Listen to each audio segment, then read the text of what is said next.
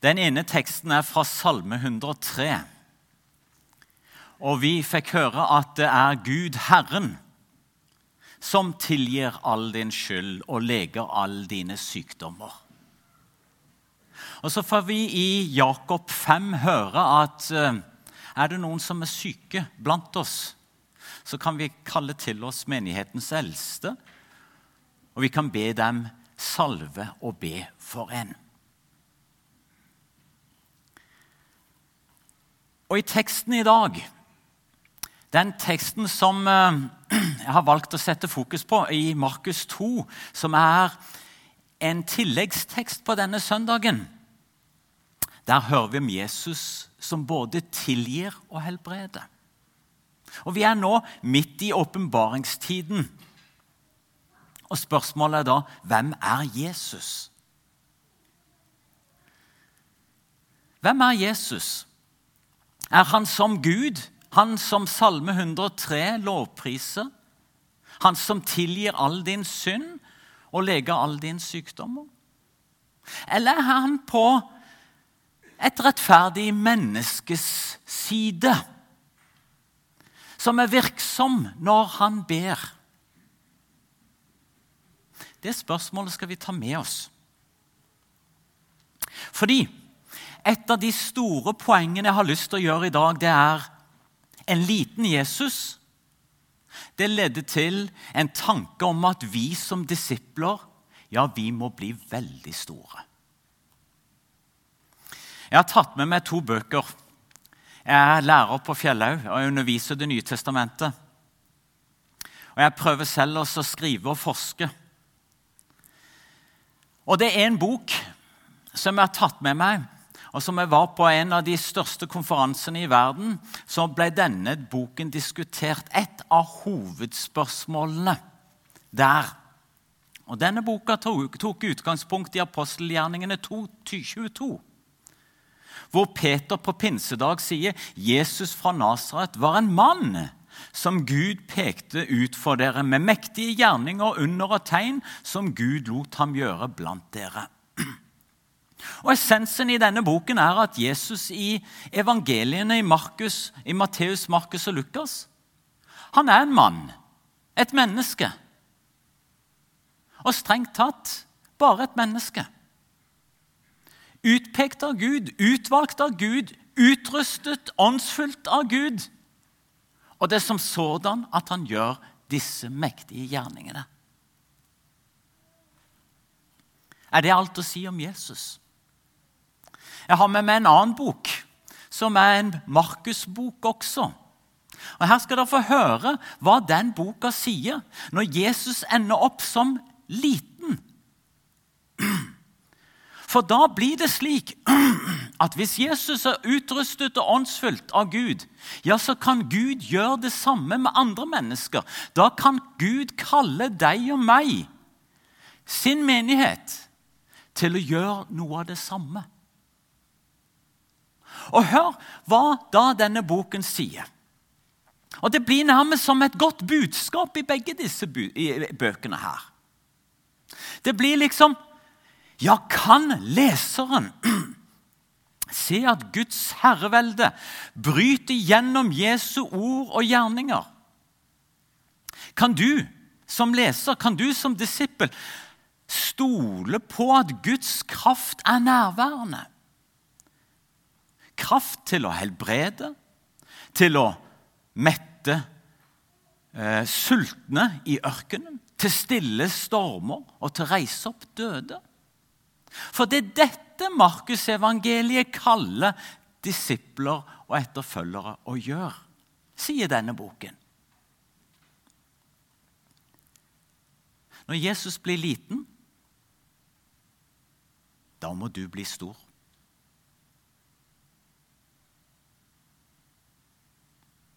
Er det slik?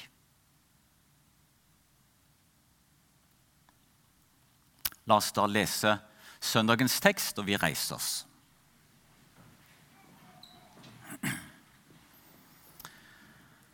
Det er fra Markus 2 i Jesu navn.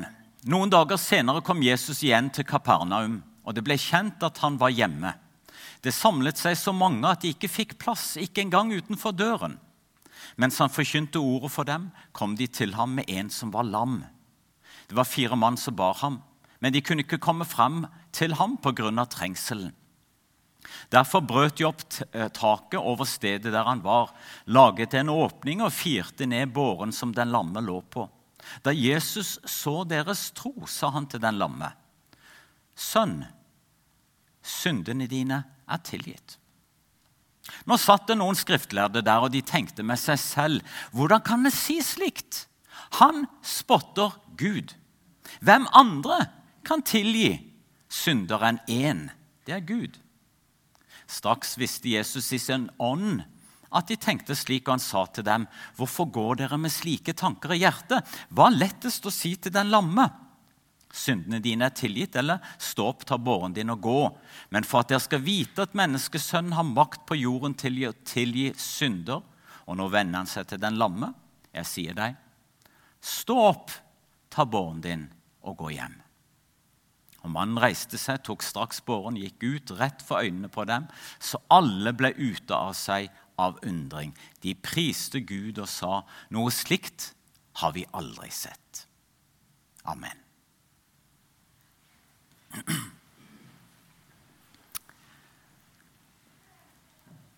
Til og med en sånn tekst som dette vil disse to bøkene her mene. At Jesus, han er et menneske slik som Gud utrustet noen mennesker som Moses og andre i Det gamle testamentet til å gjøre mektige tegn.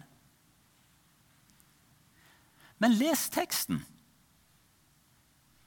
Hva er det som skjer når Jesus sier, 'Sønn, dine synder er deg tilgitt'? Da oppfatter de som er der, fariseerne, de skriftlærde, de oppfatter at Jesus går inn i den rollen som Gud og Gud alene har og kan ha, som tilgir synd. Jesus går ikke inn i en rolle hvor en på Guds vegne leser Guds ord og for Jesu Kristi skyld tilgir synd. Nei, Jesus sier, 'Sønn, dine synder er deg tilgitt'. Og Det er da disse fariseerne reagerer og sier hvordan kan han si slikt? Det er jo å spotte Gud. Hvem andre kan tilgi synder enn én? Det er Gud. Her kommer Jesus, han går inn i Guds rolle. Og han gjør det bare Gud selv kan, i egen makt.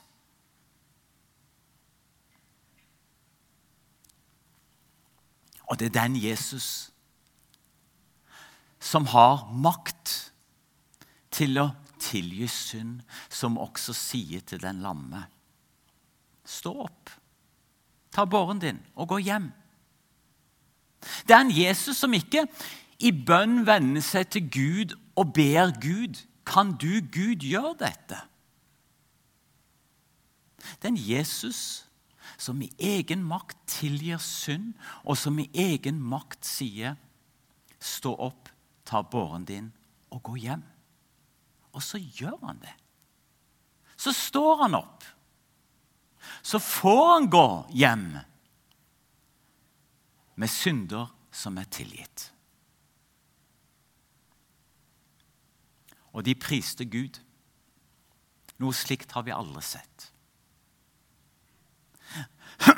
Det at Jesus har makt til å tilgi synd, og at han har makt til å gjøre som Gud, som vi hørte om i Salme 103, som reiser opp fra sykdom. Det betyr ikke at Gud forsvinner ut. Det betyr ikke at Jesus erstatter Gud. Jesus han gjør dette i egen kraft og makt, og samtidig er det Gud som prises.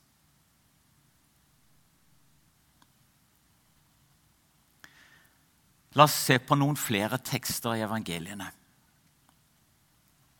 Jesus stiller stormen. På mange måter så er det en fortelling som minner om Jonah-beretningen i Det gamle testamentet. Jonah han lå i båten og sov, så ble det storm. Og så er det noen som kommer og vekker han opp, og så bryr du deg ikke. Vi går under. Og sånn er det også. Jesus ligger i båten og sover sammen med disiplene, og du kommer ut på sjøen, og så blir det en veldig storm, og så holder de på å gå under. Men der stopper likhetene mellom Jonah-fortellingen og fortellingen vi hører om i Markus 4 om Jesus. For når Jonah så våkner av søvnen, så ber han til Gud. Jesus derimot Han står opp og så sier, 'Stille, vær rolig.' Og vinden la seg, og det ble blikk stille. Sjømennene som var i båten med Jonah, de ble de, de begrepet av stor frykt, akkurat sånn som disiplene her. Men de andre sjøfolkene som var med Jonah, de forsto at det var Gud som hadde gjort dette. her. Så grepet av stor ærefrykt så bar de frem takkoffer til Gud. Men hva skjer her? Disiplene har forstått at noe helt annet har skjedd. Det er ikke slik at Jesus har bedt til Gud om at Gud kan stille stormen. Jesus taler med egne ord, og det ble blikkstille. Og Det er da de blir grepet av stor frykt, og så sier de Hvem er han? Hvem er Jesus? Han står jo der og både vind og sjø adlyder ham. Og de får det ikke til å stemme. De greier ikke å få det på plass. Dette er noe de aldri har sett og erfart. Det er ikke som Jonah-beretningen. Hva skjer? Hvem er denne?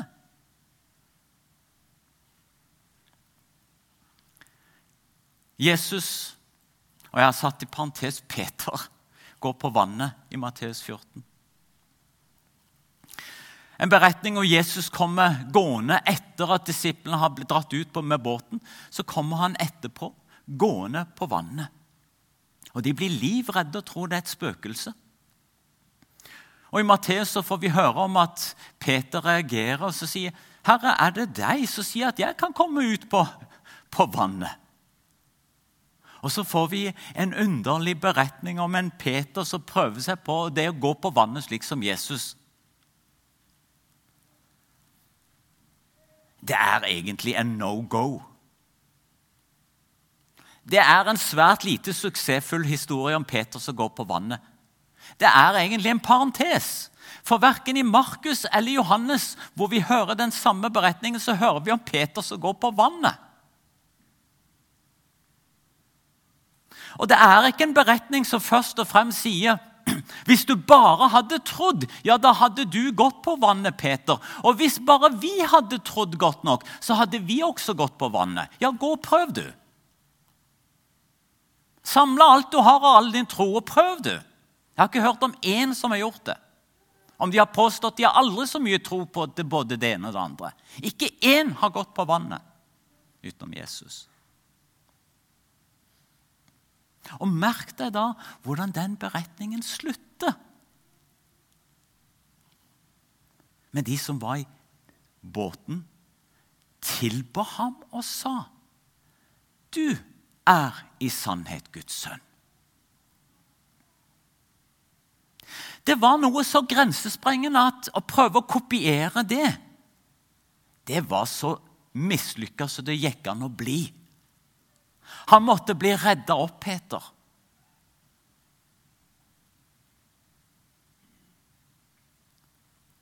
Fortellingens budskap er ikke at du og jeg skal prøve å gå på vannet. Fortellingens budskap er la oss falle på kne og tilbe Jesus. Du er sannheten. Du er i sannhet Guds sønn. Jeg holder på å forske og skrive på Markusevangeliet, og der holder jeg på med akkurat den samme teksten, blant annet. Og der er det slik at Vi hører ingenting om Peter, men hele beretningen slutter med at det sies at de var helt ute av seg av undring. Og så kommer det et vers 52 her. For de hadde ikke fått forstand av det som var skjedd med brødene. Altså beretningen om at Jesus har metta 5000 rett før. Det hadde de ikke fått forstand av. Det var helt grensesprengende.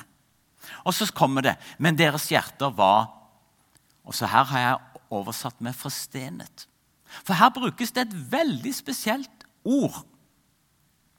I mange oversettelser i Norge, i Tyskland og i England osv. Så, videre, så oversettes det med at disiplene, deres hjerte er blitt forherdet. Og så klør alle forskerne seg i hodet og lurer på hvordan kan disse disiplene som prøver å følge Jesus, hvordan kan de være som farao, som var forherda, som kjempa mot Gud, som var troløs? La meg vise dere hvordan alle tidlige oversettelser av Bibelen oversetter dette. For der hører vi ikke noen ting om forherda disipler. Men det vi hører om, enten du går til syriske eller latinske eller sahidiske, tidlig egyptiske eller etiopiske gees eller til og med Luther Alle tidligere oversettelser de sier noe om at disse disiplenes hjerter de er i sjokk. De er helt sløvet, de er helt stupide, de er blindet, de er bevisstløse. De er overveldet. Jesus går på vannet, og resultatet er at de er helt ute av seg undring. For de forsto ikke dette med brødene. Og deres hjerte var forstenet. De var frøse, og de var helt overveldet. De greide ikke å få på plass Jesus' storhet. Verken når han metta 5000, eller han gikk på sjøen. Overveldet, satt ut. Du greier ikke plassere han i noen kjente kategorier. Ingen andre har gått på sjøen. Og I Jobbs bok så står det at bare Gud går på vannet. Og her møter vi Jesus som går på vannet. Det er rart å lese andre gang Jesus mette tusener. Og Den lille detaljen jeg har lyst til å gjøre dere oppmerksom på, det er at akkurat sånn som det står i Markus kapittel 6, 52 altså De hadde ikke fått med seg, de hadde ikke begrepet, de hadde ikke greid å ta inn at Jesus hadde metta 5000. Andre gang så står de der i ørkenen. Masse mennesker, ingen mat tilgjengelig. Og så vil disiplene gjør akkurat det samme som forrige gang. Hvordan kan noen skaffe brød til å mette alle disse her i ørkenen, sier disiplene. Hallo? Har ikke de nettopp vært med på at Jesus metta 5000 kort tid før? De er akkurat som de er blinde. De er akkurat som de er sløve og bevisstløse. Det ble for mye for dem, sier Markus.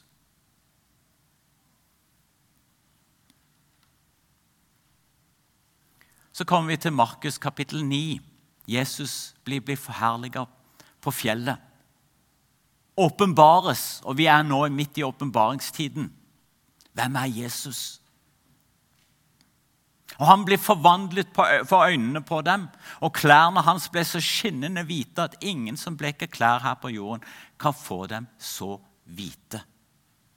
Og Så viser Elia seg der, og også Moses sammen med Jesus. Og så sier Peter, 'Rabbi, det er godt at vi er her.' 'La oss bygge tre hytter, eller telt.' En til deg, en til Moses og en til Elia. Og Det er helt underlig å lese alle bibelkommentarene, nesten alle som en. De spekulerer i hva er det Peter har ment med å bygge telt. Det må ha vært noe veldig galt noe teologisk helt fryktelig galt. Men hva er det Markus sier her?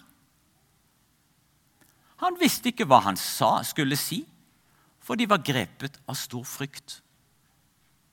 Og Nå begynner vi å se et mønster i Markusevangeliet. Et mønster at når Jesus stiller stormen, så er de helt ute av seg. Hvem er han? Vind og sjø adlyder han. Når Jesus går på vannet, når Jesus metter 5000 De er helt ute av seg undring, for de har ikke fått forstand av det. Deres hjerter er lamslått, deres hjerter er overveldet, blinda. Andre gang når Jesus skal møtte mette 4000, så står de som noen dumme brød og så sier hvordan kan det skje her i ørkenen? Som om ikke de greier har vært med på det forrige gang. Og da er poenget nettopp det. At Markus sier rett ut, vet du hva? Peter er her når Jesus blir, over, når Jesus blir forherliget, når Jesus skinner som solen. Så er Peter så overveldet at han ikke vet hva han skulle si. Det er vrøvl. Fordi han er så grepet av stor frykt. Han er så livredd at det bare babler over for han. Telt på et fjell, hva er vel det? Så er det som om Markus vil prøve å si vet du hva, Så dum var Peter. Tenk å foreslå å bygge telt der. Det er jo helt meningsløst. Men det poenget er at Jesus er så grensesprengende stor at det krasjer for Peter. Han får det ikke på plass. Hvem er denne?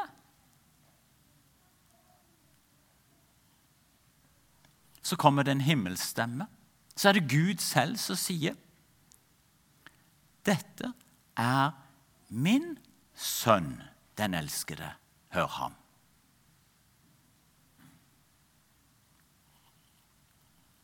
En liten fortelling til slutt fra Markus 16. Kvinnene ved graven. Og måten hele Markusevangeliet, de i hvert fall de eldste håndskriftene vi har, som slutter med det. Jesus, Kvinnen har kommet til graven. Graven er tom. Det sitter en ung mann der når de kommer inn i graven, og sier Han er stått opp, han er ikke her. Se, der er stedet hvor de la ham. Gå og si til disiplene hans og til Peter han går i forveien for dere til Galilea. Der skal dere få se ham slik som han sa dere. Hva skjer da med kvinnene? Er de blitt glad? Går de og forteller dette her? Igjen så ser vi disipler som er så overveldet. Hvor dette er så grensesprengende at de ender opp med frykt og beven. Og så står det da gikk de ut, flyktet fra graven, skjelvende og ute av seg. Og de sa ikke ett ord til noen, for de var redde. Og Da begynner vi å se hvordan Markus igjen og igjen og igjen forteller fortellingen om Jesus, som er så grensesprengende stor at det blir for mye for disiplene. Det ble for mye for kvinnene. Det krasjet. De fikk det ikke på plass. Det ble for overveldende. De ble målløse. Livredde. Hvordan forholder vi oss til en så grensesprengende stor Jesus? Han har vært død. Graven er nå tom.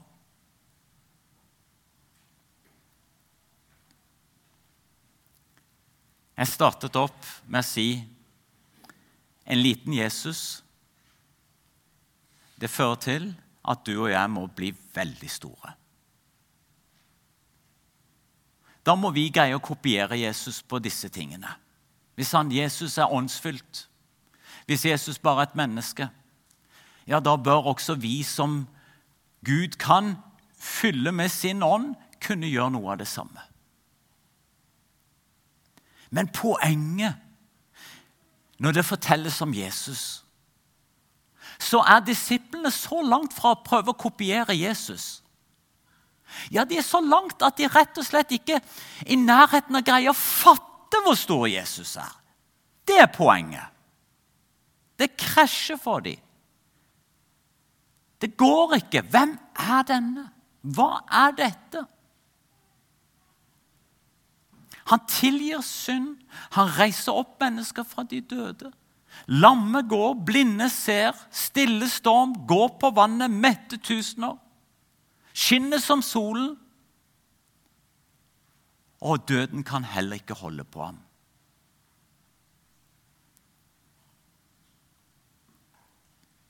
Jesus sprenger alle kategorier. Hvordan ender evangeliene, de andre evangeliene? Matteus kapittel 28 det ender med disiplene. Da de fikk se ham, falt de ned og tilba ham, om det var noen som var tvilte. I Lukas 24, hvordan ender det der? Og mens Jesus velsignet dem, skiltes han fra dem og ble tatt opp til himmelen.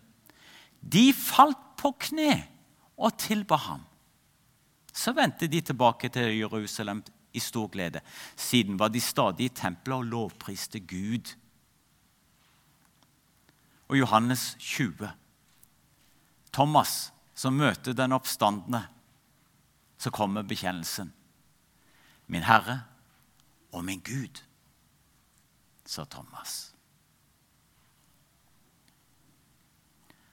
Hva gjør du med Jesus? Sier du at Jesus Nei, dette her, det er for vilt. Det går bare ikke an. Mange har sagt det. Prøver du å få Jesus til å passe i kategorier med Moses eller andre store mennesker som Gud har brukt? Det er de som prøver det. Og Vi har hørt det i Norge også, i forkynnelse, særlig fra karismatisk, sterkt karismatisk hold. Jesus er åndsfylt, og det kan du og jeg òg bli. Vi kan mette tusener, vi kan gå på vannet, vi kan vekke døde.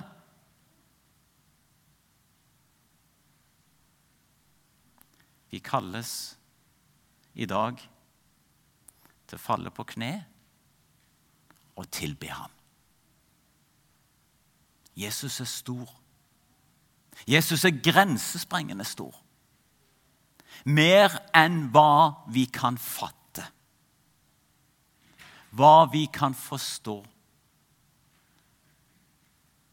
Vi ender opp og innbys som med disiplene til ærefrykt og tilbedelse.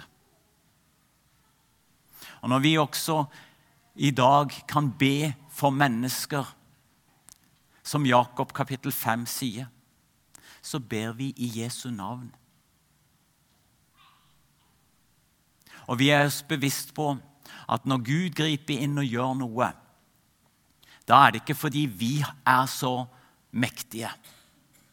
Men da er det et tegn på at Guds rike har kommet nær, og at Jesus er oss nær i sin makt og sin herlighet så får vi se noen sånne tegn på det.